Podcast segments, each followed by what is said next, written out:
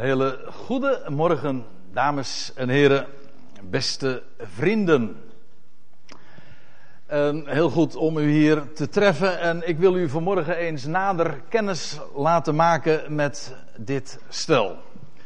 Waarvan u de namen ziet geprojecteerd. Priscilla, voor sommige mensen een hele bekende naam hier. En Aquila, een tweetal, een stel, een echtpaar, dat we in het Nieuwe Testament een aantal keren tegenkomen, behorend tot de intimie, mag ik wel zeggen, van de apostel Paulus. Zes keer komen we hun naam tegen. En wat trouwens bijzonder is, dat we, als we hun namen tegenkomen, is dat altijd als tweetal. Waarmee toch in elk geval wel waarmee toch in elk geval gezegd uh, kan zijn dat, de, dat het een hechtstel was, onafscheidelijk van elkaar. En ze hebben buitengewoon veel betekend voor de apostel Paulus. En ik wil vanmorgen gewoon met u die voorkomens eens met u de revue laten passeren. Drie keer is het zo, komen we de namen tegen in het boek Handelingen en drie keer in de brieven, dat wil zeggen in Paulus' brieven. Laten we het gewoon maar systematisch aanpakken en beginnen bij het begin. De eerste keer. En dan gaan wij ongeveer. Of loop ik zo uit het beeld, uh, Ronald? Oké. De eerste keer is zo rond 52. U moet me maar niet op een jaartje pakken, want helemaal zeker is dat ook niet meer te te achterhalen. Maar zo rond het jaar 52 van onze jaartelling komen we het stel tegen in Korinthe. En dat is dus, zoals gezegd, in handelingen, 8, in handelingen 18. En dan lees je in vers 1, daarna verliet hij, en die hij dat is Paulus, hij verliet Athene. En hij kwam tot Korinthe. En ik hoor nou sommige mensen al denken van, eh, goh, de hele week word je al doodgegooid met, met Griekenland. En nou komen we en dan zijn we zondag in de samenkomst. Ja, maar nu hebben we het niet over schuldencrisis, nou hebben we het over de oplossing van schuld. ja, daar hebben we zojuist toch van gezongen. Die alles, de, alles schuld vergeeft en dat alles op zich nam. Ja, goed. Uh, Paulus verliet Athene. Dat is een bekende geschiedenis trouwens, handelingen 17. Dat is dus wat hier direct aan vooraf ging. Dat hij daar op de Areopagus in het centrum van de stad het woord genomen heeft, die beroemde reden heeft uitgesproken. Afijn, Paulus verliet Athene en hij kwam te Korinthe. En ik zal het u eventjes op een kaartje laten zien. Dit is Athene. En hij is vervolgens naar het westen gegaan. Ja, naar het westen gegaan en naar Korinthe. Dat is ongeveer een kilometer of 65. Zo heb ik me laten vertellen. En dat zal wel kloppen. Ja, er zijn hier dus mensen uit Weert. Hè? Die hebben er heel wat langer over. Nou ja, dat zeg ik langer over gedaan. Het is een veel grotere afstand. Waarschijnlijk heeft Paulus er geen twee uur over gedaan. Om deze afstand af te leggen. In elk geval, hij ging naar Korinthe, een bekende havenstad. Dat deze zee hier, de Adriatische Zee, verbindt met de Egeze Zee. Hij kwam daar dus te Korinthe en dan, vond, dan lees je in vers 2, hij vond daar een Jood en die had de naam Aquila. En Aquila is een Latijnse naam en dat betekent adelaar.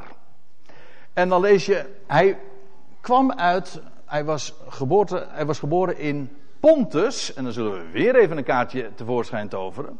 Pontus betekent trouwens zee. Dus het, het, woord zelf betekent zee. En waarom heet het zee? Wel omdat het hier, omdat het gelegen is hier, deze streek, het noordoosten, het noord, zeg ik het goed?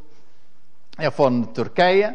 Aan de Zwarte Zee is dat gelegen, vandaar dus ook dat het uh, gebied zo heet. En feitelijk, uh, je leest trouwens in het boek Handelingen 2 al, in het boek Handelingen, hoofdstuk 2, dat dat er velen ook in Jeruzalem waren op de Pinksterdag. En dan lees je onder andere, een van de streken die genoemd worden, is dat daar Joden en Jodengenoten waren uit Pontus. Uit deze streek dus. Daar kwam dus ook Aquila vandaan.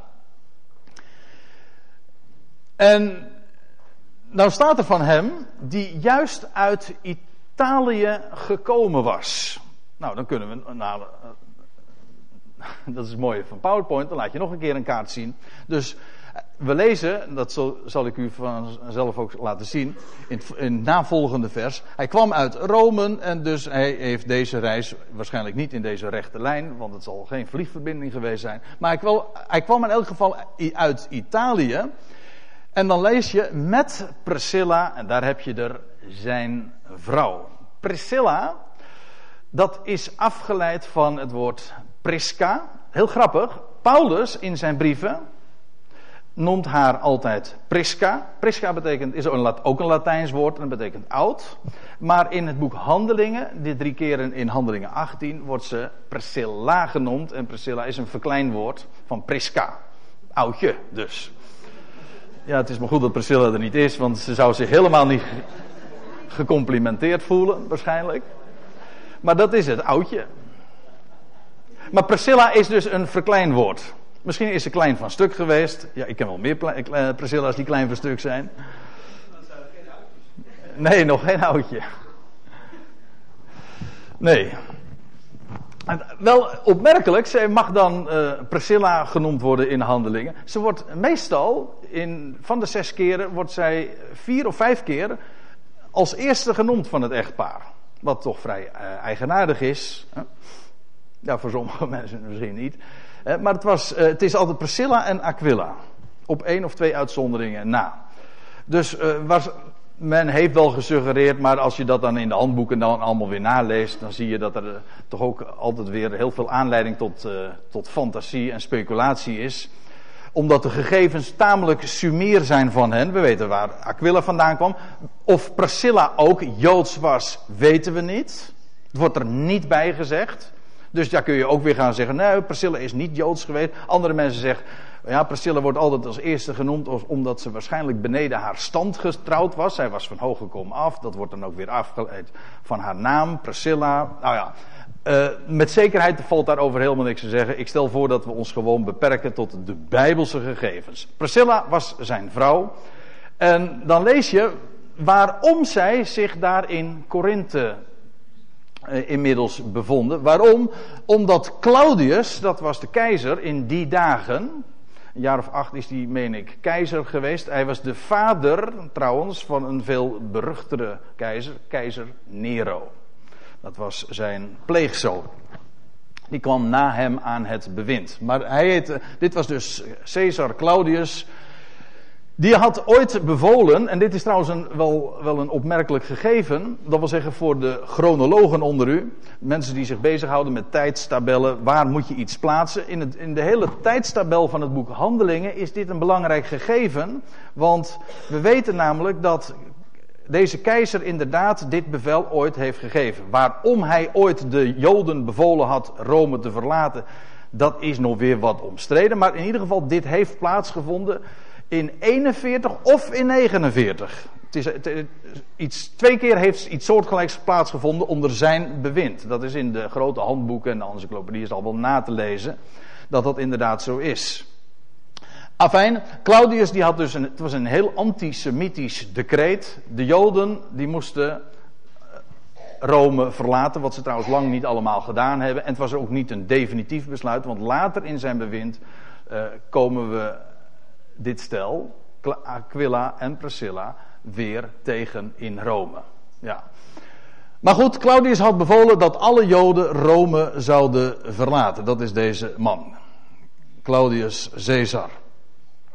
En Paulus kwam bij hen. Dus Paulus ontmoette deze Aquila en Priscilla, vermoedelijk, dat mag je aannemen, in deze heidense stad eh, in de synagoge. We lezen trouwens in het vervolg, dat gaan wij nu niet allemaal meer lezen, maar in Handelingen 18 lees je inderdaad dat Paulus naar zijn gewoonte ook naar de synagoge toe ging en daar ook sabbatten achtereen de, het woord geopend heeft en uit de schriften, de Tenach, dat wil zeggen de Joodse Bijbel, ons Oude Testament, heeft bewezen dat Jezus is de Christus. Wat heel veel stof deed opwaaien. Dat wil zeggen, er velen kwamen tot geloof. Maar er, ook velen hebben zich daartegen verzet. Paulus ontmoet deze Priscilla en Aquila. Waarbij trouwens ook nog de vraag is. Ik, ik, Het staat hier namelijk niet, dus het, het is open.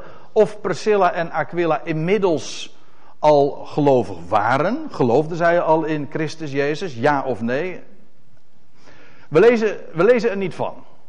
Sommigen die zeggen ja, absoluut wel. Andere mensen zeggen van nee, waarschijnlijk niet. De tekst zegt het niet.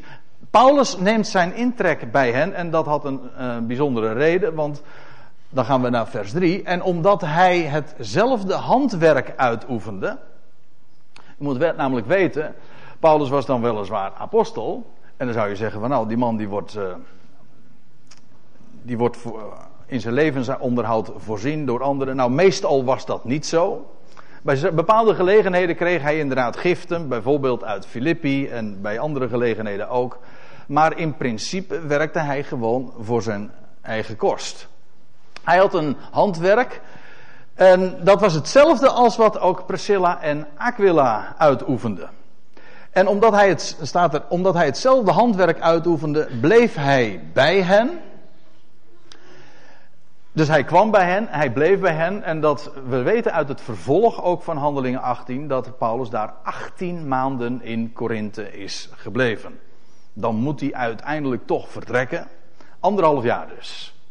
En anderhalf jaar heeft hij daar dus in Korinthe bij dit stel gewoond en ook gewerkt. En ze werkten samen, want zij waren tentenmakers van hun handwerk.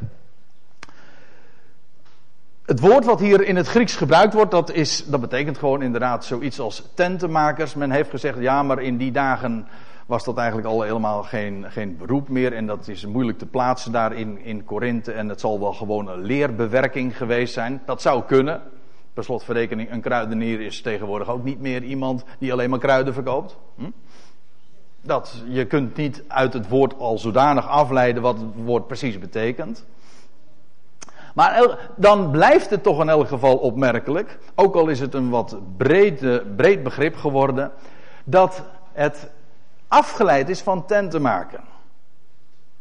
Ik, ik vind het beroep wat deze mensen uitoefenden, zowel Paulus als ook Priscilla en Aquila, is eigenlijk tekenend, heel, is metaforisch voor dat waar zij in hun leven voor stonden. Dat wil zeggen, het waren pelgrims, ze hadden geen vaste verblijfplaats. Nou, dat kun je wel zeggen. Voor hen heel letterlijk.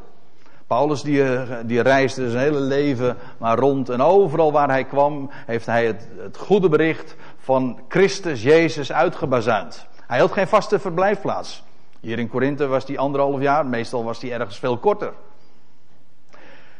Het gold ook al voor Priscilla en Aquila. Aquila kwam uit Pontus, vervolgens naar Rome gegaan. Hier is hij in Korinthe. Straks zullen we zien dat hij gaat naar Efeze. En hij is uiteindelijk weer teruggegaan naar Rome en later weer in Efeze terechtgekomen. Ja, echt waar. Een vaste verblijfplaats hadden deze mensen niet. Nee, maar feitelijk is dat, staat dat ook voor het leven van een pelgrim. Mensen die op reis zijn. Die niet hier een vaste verblijfplaats hebben, maar in een tent wonen. Een tent is eigenlijk een embleem van een pelgrim. Iemand die doortrekt. Die zijn kaarten niet gezet heeft op dit leven. Hier, nu, maar het gaat allemaal nog komen. En dit is, ach, het is een tijdelijk verblijf. We, gaan, we vertrekken toch weer. Zo. Ze waren tentenmakers van beroep. Heel tekenend voor zowel Paulus als voor deze mensen. Dan gaan we naar de tweede keer. Maar we blijven trouwens in Handelingen 18. Want inmiddels zijn we 18 maanden verder. Een anderhalf jaar later dus. En dan zijn Priscilla en Aquila nog steeds in Korinthe. En dan lees je, en, dat, en nadat Paulus daar nog verscheidene dagen was gebleven, en u ziet, ik ben inmiddels in vers 18, terwijl we zojuist nog in vers 3 waren. Daar zijn dus, dus een heel verblijf, eh, eh, dat verblijf daar van Paulus wordt daar beschreven. En alles wat daar gebeurde in de synagoge, want zoals altijd, Paulus, heeft, uh, Paulus' boodschap heeft enorm veel losgemaakt. Dat wat hij vertelde, dat, dat ging zo, stond zo haaks op, op de tradities en op de overtuigingen van die mensen die, die hij toesprak. En juist ook van de niet-Joden heeft hij veel, had hij veel aanhang. Dat, uh, dat lees je in, in de voorgaande versen. Juist hen bereikte hij. Degene die zich lieten voorstaan. En ik haak nou eigenlijk ook even aan bij wat zojuist mijn broer al vertelde over, over genade. En hoe haaks dat kan staan op, op godsdienstige vooroordelen. Waarbij juist godsdienst de grootste struikelblok is. Altijd weer, ik, ik zeg het met nadruk. Godsdienst is de grootste struikelblok voor de boodschap van genade. Heel veel mensen denken van, nou ja, uh, als, als mensen godsdienstig zijn, dan heb je in elk geval toch een, een ingang. Hè, dan, om, om, om de boodschap aangaande Jezus Christus te vertellen. Nou, de praktijk blijkt het juist omgekeerd te zijn. Heidenen bereikte Paulus met veel meer gemak. Dat wil zeggen, daar was geen aanstoot voor. Paulus predikte genade. Je hoeft er helemaal niets voor te doen. Hij predikte een, een, een God die nooit laat varen het werk van zijn handen. Die een redder is van deze hele wereld, puur om niets. Die opstond, wiens zoon opstond uit de doden en leven geeft. Niet op voorwaarde dat jij kiest. Nee, dat is zo. En een gelovige is iemand die zegt: Amen. Dat is de waarheid. En weet u wat de ellende is? En dat zie je dus ook in Handelingen 18, maar overal. Dat Paulus uh, de boodschap, deze boodschap zoveel verzet oproept in de synagoge. Maar ik, ik, ik zeg er eventjes bij, net zo goed ook bij de mensen, de godsdienstige mensen die zich eigenlijk de geestelijke erfgenamen van de synagoge voelen. Ja, ik bedoel gewoon de christenheid. Want het is echt niet anders. Want ik heb er altijd grote moeite mee dat dan de beschuldigende vinger naar de Joden wordt ge, en naar de synagoge wordt gestoken. Zeg van nou, die mensen begrepen er helemaal niks van. Zou het vandaag anders zijn? Als je nu gewoon vertelt. Het evangelie mensen is genade. Het is een boodschap. God houdt van jou. Hij laat je niet los. Hij is jouw Heer. En dan geloof je er geen barst van. Het is waar. Kijk, dat is iemand. Dat is geloof. Amen. En dat, dat is wat geloof is. Ja, maar zo simpel is het dan. Ja, zo simpel is het juist wel. En dat is nou precies het verzet wat het altijd weer oproept. Nou, deze boodschap is met enorme kracht daar in Korinthe gebracht. Paulus is, heeft daar dus anderhalf jaar verbleven. En uiteindelijk uh, vertrekt hij. Nadat Paulus daar nog verscheidene dagen was gebleven, nam hij afscheid van de broeders daar. En hij voer weg naar Syrië. Zo weer eventjes een kaartje laten zien. Hier moest hij, zou hij uiteindelijk naartoe gaan. Daar komt hij uiteindelijk ook terecht. Maar hij vertrekt dus deze kant op en hij komt. Hij wordt vergezeld, staat er, door Priscilla en Aquila. Ze kwamen uit Rome, hier, ja. En ze waren hier uh, anderhalf jaar eerder, of misschien twee jaar eerder, terechtgekomen in Korinthe. En nu gingen ze naar uh, ja, deze kant op. Maar ze komen terecht in Efeze. Ik zal u, dat zal ik nog laten zien. Maar eerst lees je nog. Nadat hij, en dan, ja, dat is omstreden. Wie is nou die hij? Ook daarvan als je de tekst leest, dan kan dat zowel slaan op Aquila als op Paulus. Maar aangezien het toch vooral hier gaat is, uh, om, de, om dat wat Paulus heeft verteld. Paulus is het onderwerp. Ga ik ervan uit dat het inderdaad om Paulus gaat. Nadat hij te Kengreën. Wat is dat nou weer? Nou, dat zullen we ook even laten zien. Hier. Hier heb je Korinthe. Kengree was eigenlijk ook een onderdeel van Korinthe, maar het was de zuidelijke haven. Je had een noordelijke haven. En de zuidelijke haven, dat heette Kengreën. Eigenlijk was Korinthe, een havenplaats, de, de meeste schepen die hadden er een hekel aan om, dit, om het Griekse schiereiland te omvaren. Dat, eh, met al die uitstolpsels was dat eh, zeer gevaarlijk, met name in de winter. En dan gingen ze liever zo. Tegenwoordig kun je gewoon door het kanaal van Korinthe, maar dat was er in die dagen nog niet, althans niet afgemaakt. Maar had, er was een soort van overtoom gemaakt. Dat wil zeggen, de schepen werden dan getrokken, dus een paar kilometer toch wel, werden van de ene zee naar de andere zee getrokken over het land. Dat, vond, uh, dat, dat, heet, uh, dat is een overtoom. Hè? U zegt, pep, pep, uh, nee. Dat, zo snel ging dat nou ook weer niet. Maar dat vond dus hier plaats. De, je had dus de noordelijke en de zuidelijke haven. En dat, dat doet nu verder niet zoveel ter zake, maar dan kunt u het plaatsen. Paulus heeft daar bij de Kengreën, later kom je trouwens in zijn brieven die plaats weer tegen, want wie was daar een dienares in die Ecclesia? Hier had je ook een Ecclesia. De Bijbelkenners onder u. Niemand? Of bent u allemaal zo bescheiden en zeggen, nou, dat zeg ik liever niet. Nou, dat was Febe. Romeinen 16, vers 1. Zij was dienares van de Ecclesia, lees je, van de Kengreeën. Dus hier, was, hier kwamen ook mensen samen, een Ecclesia. Afijn, uh, Paulus was daar te, te Kengreeën, heeft hij zijn hoofdhaar laten afknippen, want hij stond onder een gelofte. Ook hiervan weten we verder niets. In elk geval, hij heeft een, ooit een belofte gedaan. Doen mensen nu ook wel eens een keertje. Hè? Dan zeggen ze van, als ADO bij de eerste vijf hoort, dan laat ik me helemaal als kaal scheren. Ja, zoiets.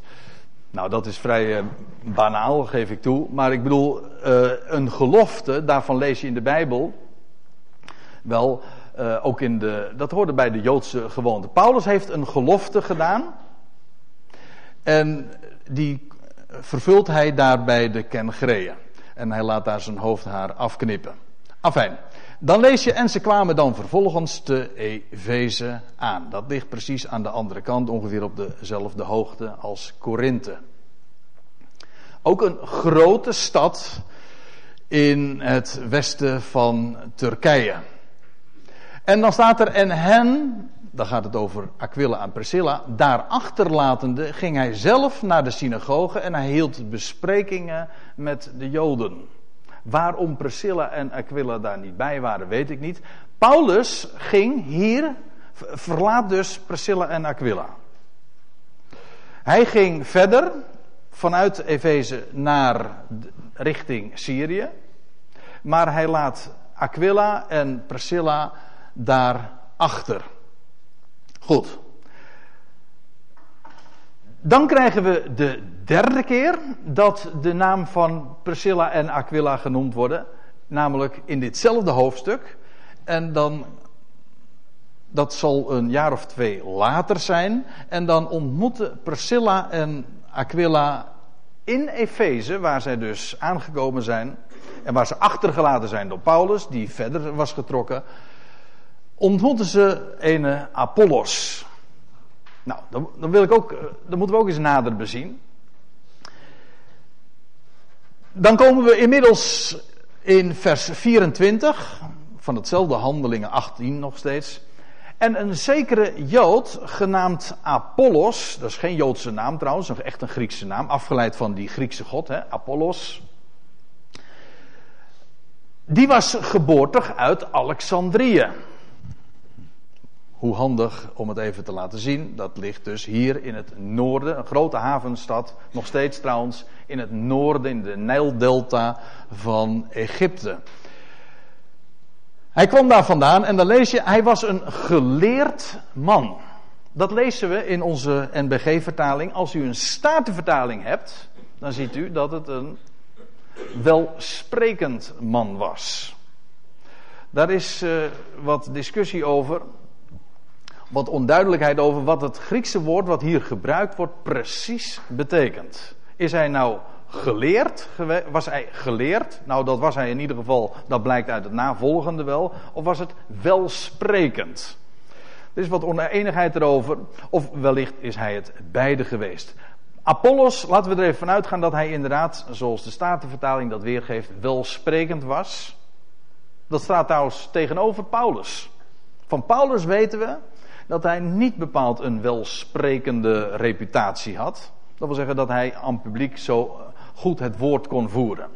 We lezen in de, in de tweede Korinthebrief dat zijn, zijn verschijnen en zijn spreken betekent niet zoveel. Dus die man, dat was geen groot orator of een, iemand die, eh, die het publiek zo wist te boeien met, door zijn manier van doen. Maar wat hij zei, dat zegt hij, dat zegt hij trouwens ook in de Korinthebrief. Mijn, mijn getuigenis kwam met geest en kracht. En dan kwam er misschien allemaal niet zo vlotte uit. Of uh, misschien wel met stotteren, dat weet je niet. Maar deze, van deze Apollos lezen we in elk geval, die had de gaven van welsprekendheid. Of een geleerd man. En dan staat er vervolgens nog bij, dat is wat mij betreft nog veel belangrijker. Hij was doorkneed in de schriften. Letterlijk staat er, hij was vermogend. Dynamai staat er in het Grieks. Hij was, hij was machtig. Ik meen dat de Statenvertaling dat ook zo, zo vertaalt. Hij was machtig in de schriften. Die man die kende de schriften, dat wil zeggen de Tenach. Uiteraard in die dagen nog niet het, tweede deel van de Bijbel, het Nieuwe Testament. Maar hij was machtig in de Tenach. Hij kende die schrift. Door en door. Daarvan vinden we heel wat meer voorbeelden. Maar van, van deze Apollos wordt het dus heel expliciet gezegd. Het is trouwens opmerkelijk, hè? Als je eh, bijvoorbeeld de toespraken van Paulus, maar ook van een eenvoudige visserman als Petrus. Lees, lees zijn reden in Handelingen 2 met name, maar ook Handelingen 3. Hoe hij als een eenvoudige man, die niet geletterd was, die, geen opleidings, eh, hoge opleiding had genoten, maar hoe hij met gemak hele passages uit de schriften, uit de psalmen, uit de profeten kan citeren uit het hoofd. Neem je je petje vooraf. Dat is, eh, die, die, die mensen in die dagen kenden de schrift op, op een duimpje. Maar van deze Apollos wordt het zelfs nog expliciet gezegd dat hij in, in, in het publiek eh, welsprekend was en machtig was in de schriften, vermogend. En dan staat er, hij kwam ook dus te Efeze. Hij kwam hier vandaan en hij is dus richting Efeze gegaan. En deze was ingelicht, deze, het gaat nog steeds hier over die Apollos. Hij was ingelicht, geïnformeerd omtrent de weg des Heren. Als je het boek Handelingen goed kent, dan gaat er hier een lampje branden en zegt: hé, hey, dat is een opmerkelijke, typische formulering in het boek Handelingen. Iedere keer, de mensen die geloofden in de Messias heten ook mensen van de weg. Iedere keer heet dat zo, de weg. Of zij getuigden van de weg. En die uitspraak komt uiteindelijk uit, het, uit de Tenach, uit de profeet Jezaja. Dan, je, ja, je leest van Johannes de Doper, bijvoorbeeld in, in Matthäus 3, maar er zijn meer plaatsen daarvoor aan te eh, voeren. Als Johannes de Doper wordt geïntroduceerd, dan lees je dat hij, hij is het van wie door de profeet Jezaja gesproken werd toen hij zeide, dus honderden jaren eerder was al door Jezaja tevoren gesproken en uh, geschreven van iemand die zou komen, de stem van één die roept in de woestijn, bereid de weg des Heren, diezelfde woord, die, diezelfde uitdrukking. Bereid de weg des Heren, maakt recht zijn paarden. Jezaja profeteerde dat er iemand zou komen die de weg van de Here zou bereiden. Dat wil zeggen, de weg effen zou maken. De weg zou gereed, maar in gereedheid zou brengen, zodat de Heere inderdaad zijn pad zou kunnen gaan. Dat wil zeggen, hij bereidt de weg van de Messias. Daar gaat het hier over. De weg des Heren, dat is, daar gaat het dus over de Messias die zou komen en die, die eerst wordt aangekondigd, geïntroduceerd door Johannes de Doper, zijn neef. En die is inderdaad in de woestijn en daarbij de Jordaan heeft hij gepredikt. En waarom noem ik Johannes de Doper nu ook? Wel, die Apollos was daarvan op de hoogte. Hij was ingelicht omtrent de weg des Heren. En dan staat er vervolgens in vers 25: En vurig van geest sprak en leerde hij nauwkeurig met precisie. Vurig van geest. Die man die was, nou daar kun je je wel iets bij voorstellen. Die man die was, als hij, het woord wat hier gebruikt wordt, vurig, dat is eigenlijk het woord celoot. Een ijveraar. Iemand die, ja wij zouden haar zeggen, een fanatiekeling. Maar dat, dat, dat heeft een wel negatieve klank. Maar iemand die gedreven, met grote kracht, sprak, vurig van geest, sprak en leerde hij nauwkeurig. Dat is een, een, wonderlijke combinatie, of een hele kostbare combinatie. Want vurigheid van geest wil nogal eens ten koste gaan van de nauwkeurigheid. Waarmee je leert. Dan kun je in je gedrevenheid soms zomaar je bepaalde slordigheden permitteren. Maar deze Apollos was een welsprekend man, doorkneed in de schriften en vurig een ijveraar van geest, gedreven man, maar hij leerde met nauwkeurigheid. Hij kon de dingen laten zien. En de mensen die hem checkten, die konden bevestigen dat het waar was wat hij zei. Hij sprak en leerde nauwkeurig. Geweldig dat dat zo van die man gezegd wordt. Waaromtrent leerde hij nauwkeurig? Wel, het vervolg zegt het. Hetgeen op Jezus betrekking had. Of schoon hij, het gaat nog steeds dus alleen over die Apollos. Of schoon hij alleen wist van de doop van Johannes. Dus, deze Apollos komt daarin. Hij kwam uit Alexandrië. Hij, was, hij bevond zich nu in, in, in Efeze.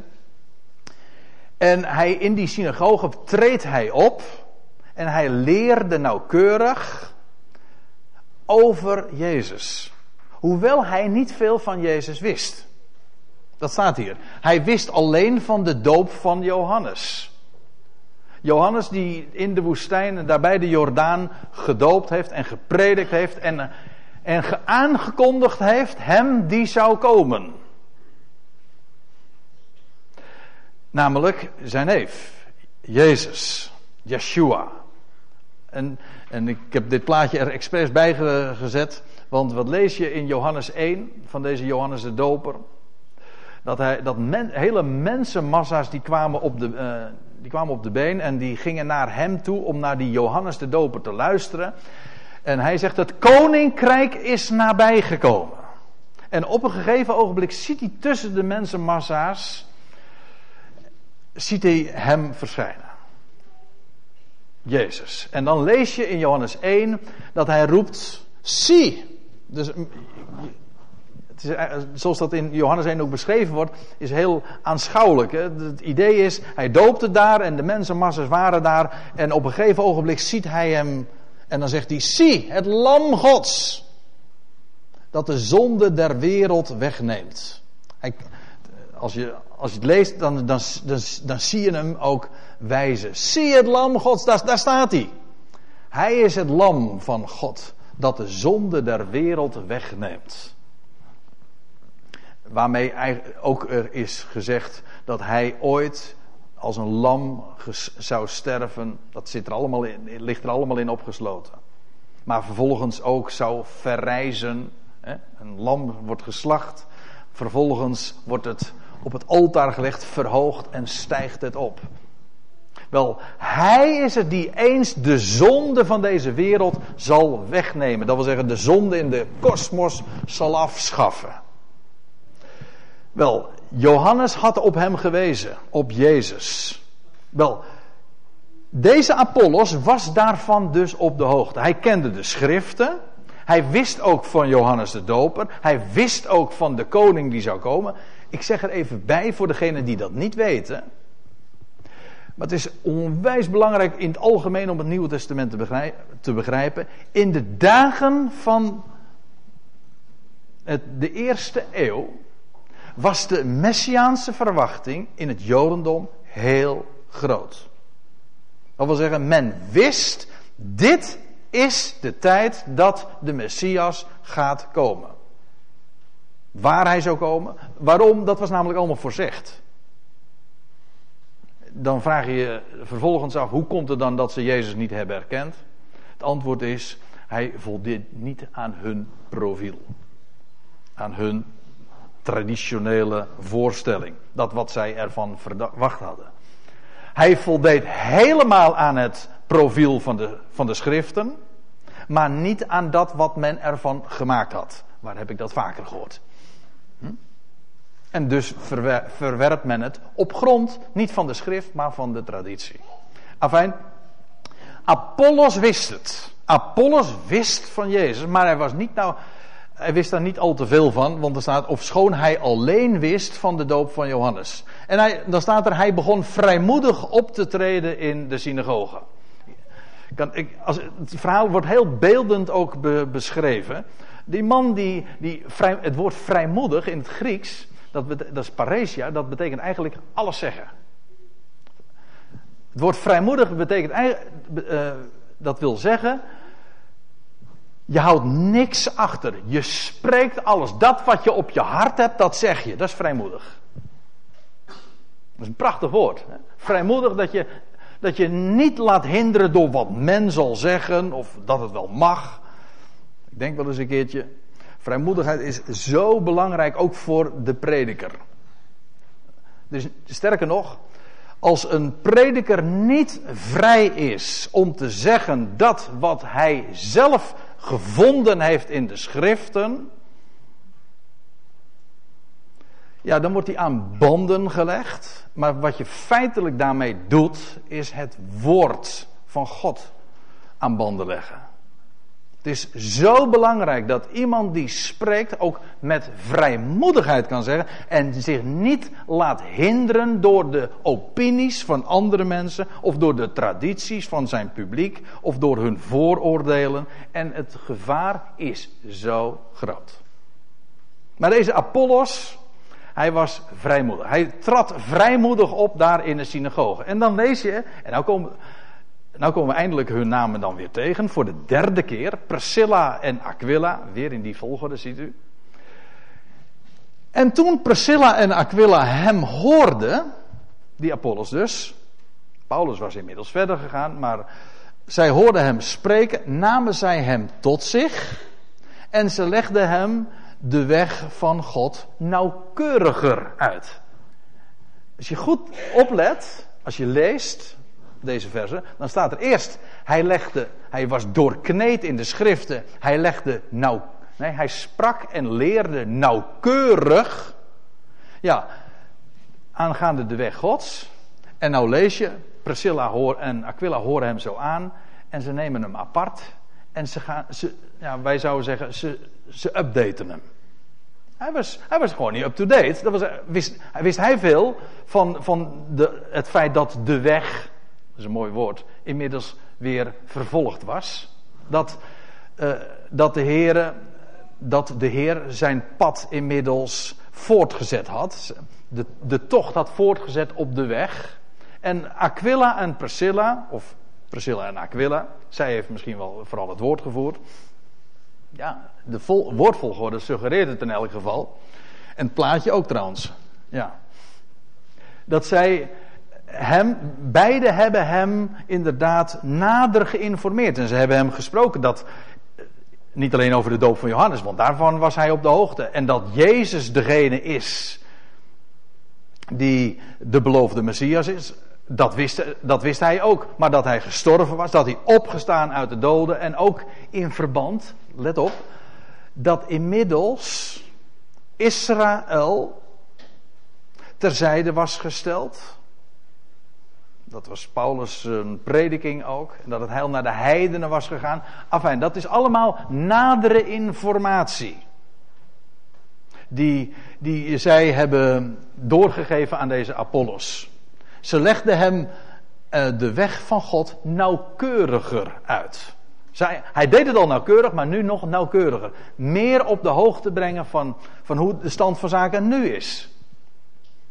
Ik herken dat zo en wellicht u ook dat je iemand hoort, iemand vertelt van, van de Heer Jezus Christus en dan is er misschien wel enthousiast over. Maar vaak zijn ze, ja, hoe gaat dat? Zijn ze niet op de hoogte van zoveel andere dingen die ook in de schrift staan. Ik zeg maar, weet je dat ook al? En dan kun je dat zeggen van, kijk, dan kun je het gewoon uitleggen. Mooi woord, hè? Dan kun je gewoon uh, het, het allemaal uitstallen, zo uitleggen. Het Griekse woord wat hier gebruikt wordt, betekent eigenlijk ook hetzelfde. Je legt de dingen uit. Daar staat het en je laat het allemaal zo zien. Daar staat het. De weg van God nauwkeuriger uitleggen. Wel, Priscilla en Aquila die doen dat bij deze Apollos. En dat is uh, niet tegen dovermans oren gesproken. Apollos was een man, een eerlijk man. Hij stond daar helemaal open voor. En hij heeft, want we weten van deze Apollos dat hij vervolgens inderdaad is gaan prediken in Efeze. Hij is later trouwens ook in Korinthe gekomen. En hij heeft een geweldige bediening gehad. We vinden hem uh, diverse keren nog ook in de brieven genoemd zodat hij, deze man, machtig in de schriften, gesproken heeft aangaande de Heer Jezus Christus met nauwkeurigheid. Maar waarom? Omdat hij, was nader, hij nader geïnformeerd was door Priscilla en Aquila. Goed, dan gaan we naar de vierde keer. Prisca en Aquila. Nu zijn ze weer in Rome. En nou gaan we naar Romeinen 16. We hebben ze nu hun namen drie keer gezien in het boek Handelingen, Handelingen 18. En ook Paulus noemt hun namen drie keer. En de eerste keer is in Romeinen 16. Ik zei al, Paulus die noemt ze niet Priscilla en Aquila, maar Prisca en Aquila. En dan staat er in Romeinen 16, vers 3. Groet Prisca en Aquila, mijn medearbeiders in Christus Jezus. Ja, als je dat woord medearbeiders leest, dan zou je denken, ja, natuurlijk. Hè. Ze hebben anderhalf jaar daar in Korinthe samengewerkt, samen, in hetzelfde huis gewoond en ze hebben gewerkt in de, in de tentenmakerij, zeg maar. Ja, maar dat is niet wat hier staat. Ze waren, tenten, ze waren medearbeiders in Christus Jezus. Dat wil zeggen, ze hebben samengewerkt in de boodschap aangaande Christus Jezus. Let op, die formulering. Typisch Paulus. Waarbij de titel Christus voorop staat. De Christus is hij krachtens zijn opstanding en verheerlijking.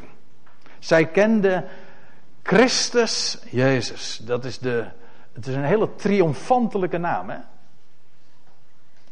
Hij die daar nu ge, de opgestaande die daar boven is, ontrokken aan het oog, hij is de Christus Jezus. En die boodschap, wie Hij is, de redder van de wereld, de heiland van Israël, de koning der koningen, etc. Zij hebben de boodschap uitgebazuind. En Paulus heeft uh, bijzonder veel uh, met hen samengewerkt. En ze hebben samen voor die boodschap gestaan. En dat ging dan ook ten koste van hun eigen leven. Dat zien we, want we lezen in vers 4 vervolgens van hetzelfde Romeinen 16. Mensen, dus het gaat hier over deze Prisca en Aquila. Mensen die voor mijn, die voor mijn leven, voor mijn ziel staat er letterlijk, hun hals gewaagd hebben. Een waaghals, ja. Hun, wij kennen diezelfde uitdrukking ook nog. Hè? Dan zeg je, je nek uitsteken. Wij bedoelen het meestal niet meer letterlijk. Ik weet niet of Paulus het hier wel letterlijk bedoelt.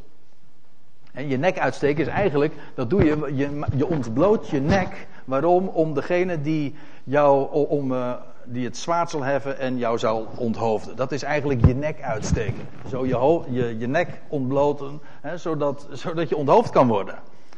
Dus je nek uitsteken, je hals wagen, zoals zij dat hebben gedaan. Dat is dus eigenlijk je leven riskeren. Dat is het.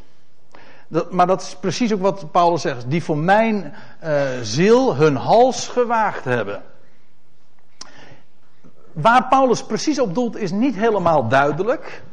Want dat vinden we niet in het boek Handelingen vermeld. Maar we weten wel dat toen Paulus in Efeze was, en daar hebben zij dus ook een lange tijd vertoefd, Aquila en Priscilla, dan weten we dat dat een hele zware tijd is geweest, waar Paulus ook diverse keren uh, zijn leven bedreigd is.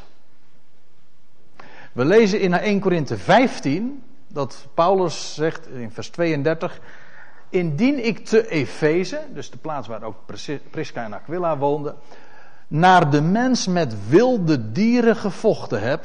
En dan schrijft hij erbij: Ach, wat baat het mij. Indien er geen doden opgewekt worden, laten we eten en drinken, want morgen sterven wij. Moet ik, ik heb het expres het hele verband er even bij gehaald. Waarom?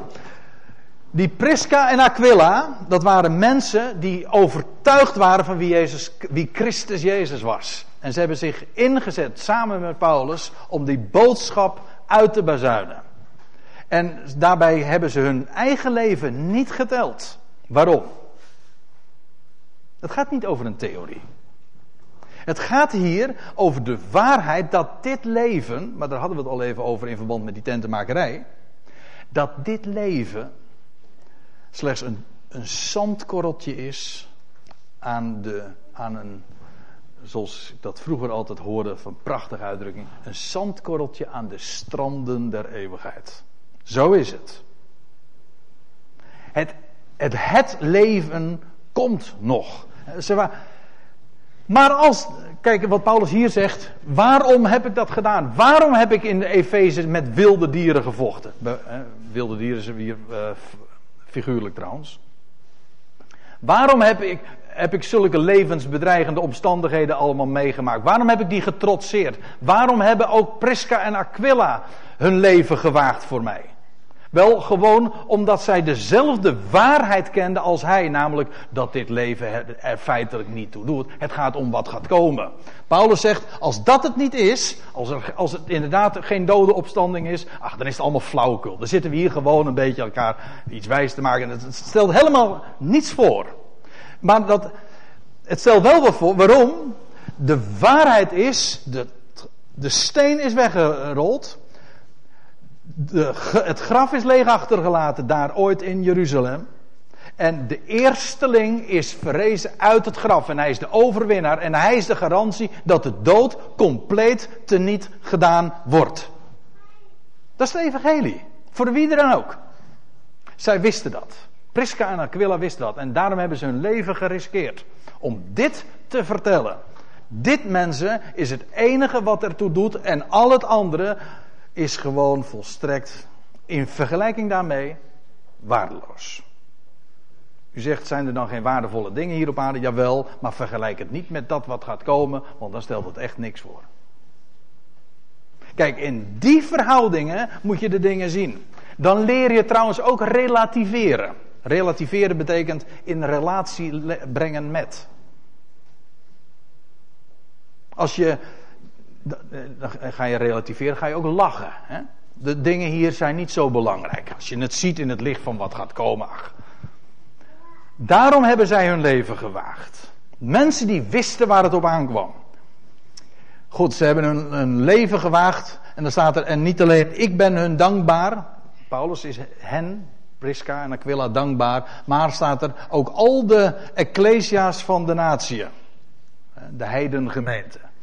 Met andere woorden, die Prisca en Aquila hebben een, eh, een, een hele goede reputatie in al die ecclesia's gehad. Ze hebben zich bijzonder ingezet voor Paulus, of beter gezegd voor de boodschap die de apostel Paulus mocht doorgeven. Dat machtige evangelie. En daar is een roep van uitgegaan. Hij was hen dankbaar, maar zoveel meer.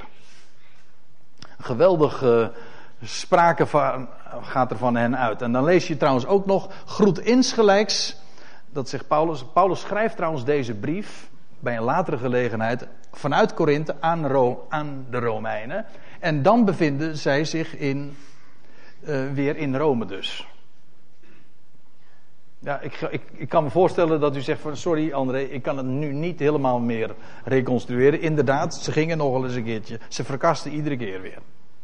Hier bevonden ze zich dus weer in Rome. En wat lees je? Ze hadden een ecclesia, een gemeente. Wij, ja, ik heb al wat, moeite met het woord gemeente, want sommige mensen hebben daar zo'n kerkelijk idee van. Denken van meteen een kerkinstituut, een torentje eventueel. Of, nee, mensen. Een ecclesia is gewoon een samenroepsel, een kring. Een kring uitgeroepenen. Die bij elkaar komen, die elkaar bemoedigen, aanmoedigen. Het is geen instituut met een kerkorde, een organisatie, een stichting, weet ik wat allemaal. Nee, dat is gewoon mensen die bij elkaar komen. Wel, die Prisca en Aquila, dat, dat waren mensen die aan huis mensen ook uh, ont, ontmoeten en ontvingen. De Ecclesia bij hen aan huis. Hoeveel dat er geweest zijn, dat weet ik niet. Dus let op, de gemeente in Rome, de Ecclesia in Rome, kwam dus bij elkaar in huis. Zo groot is dat allemaal niet hoor.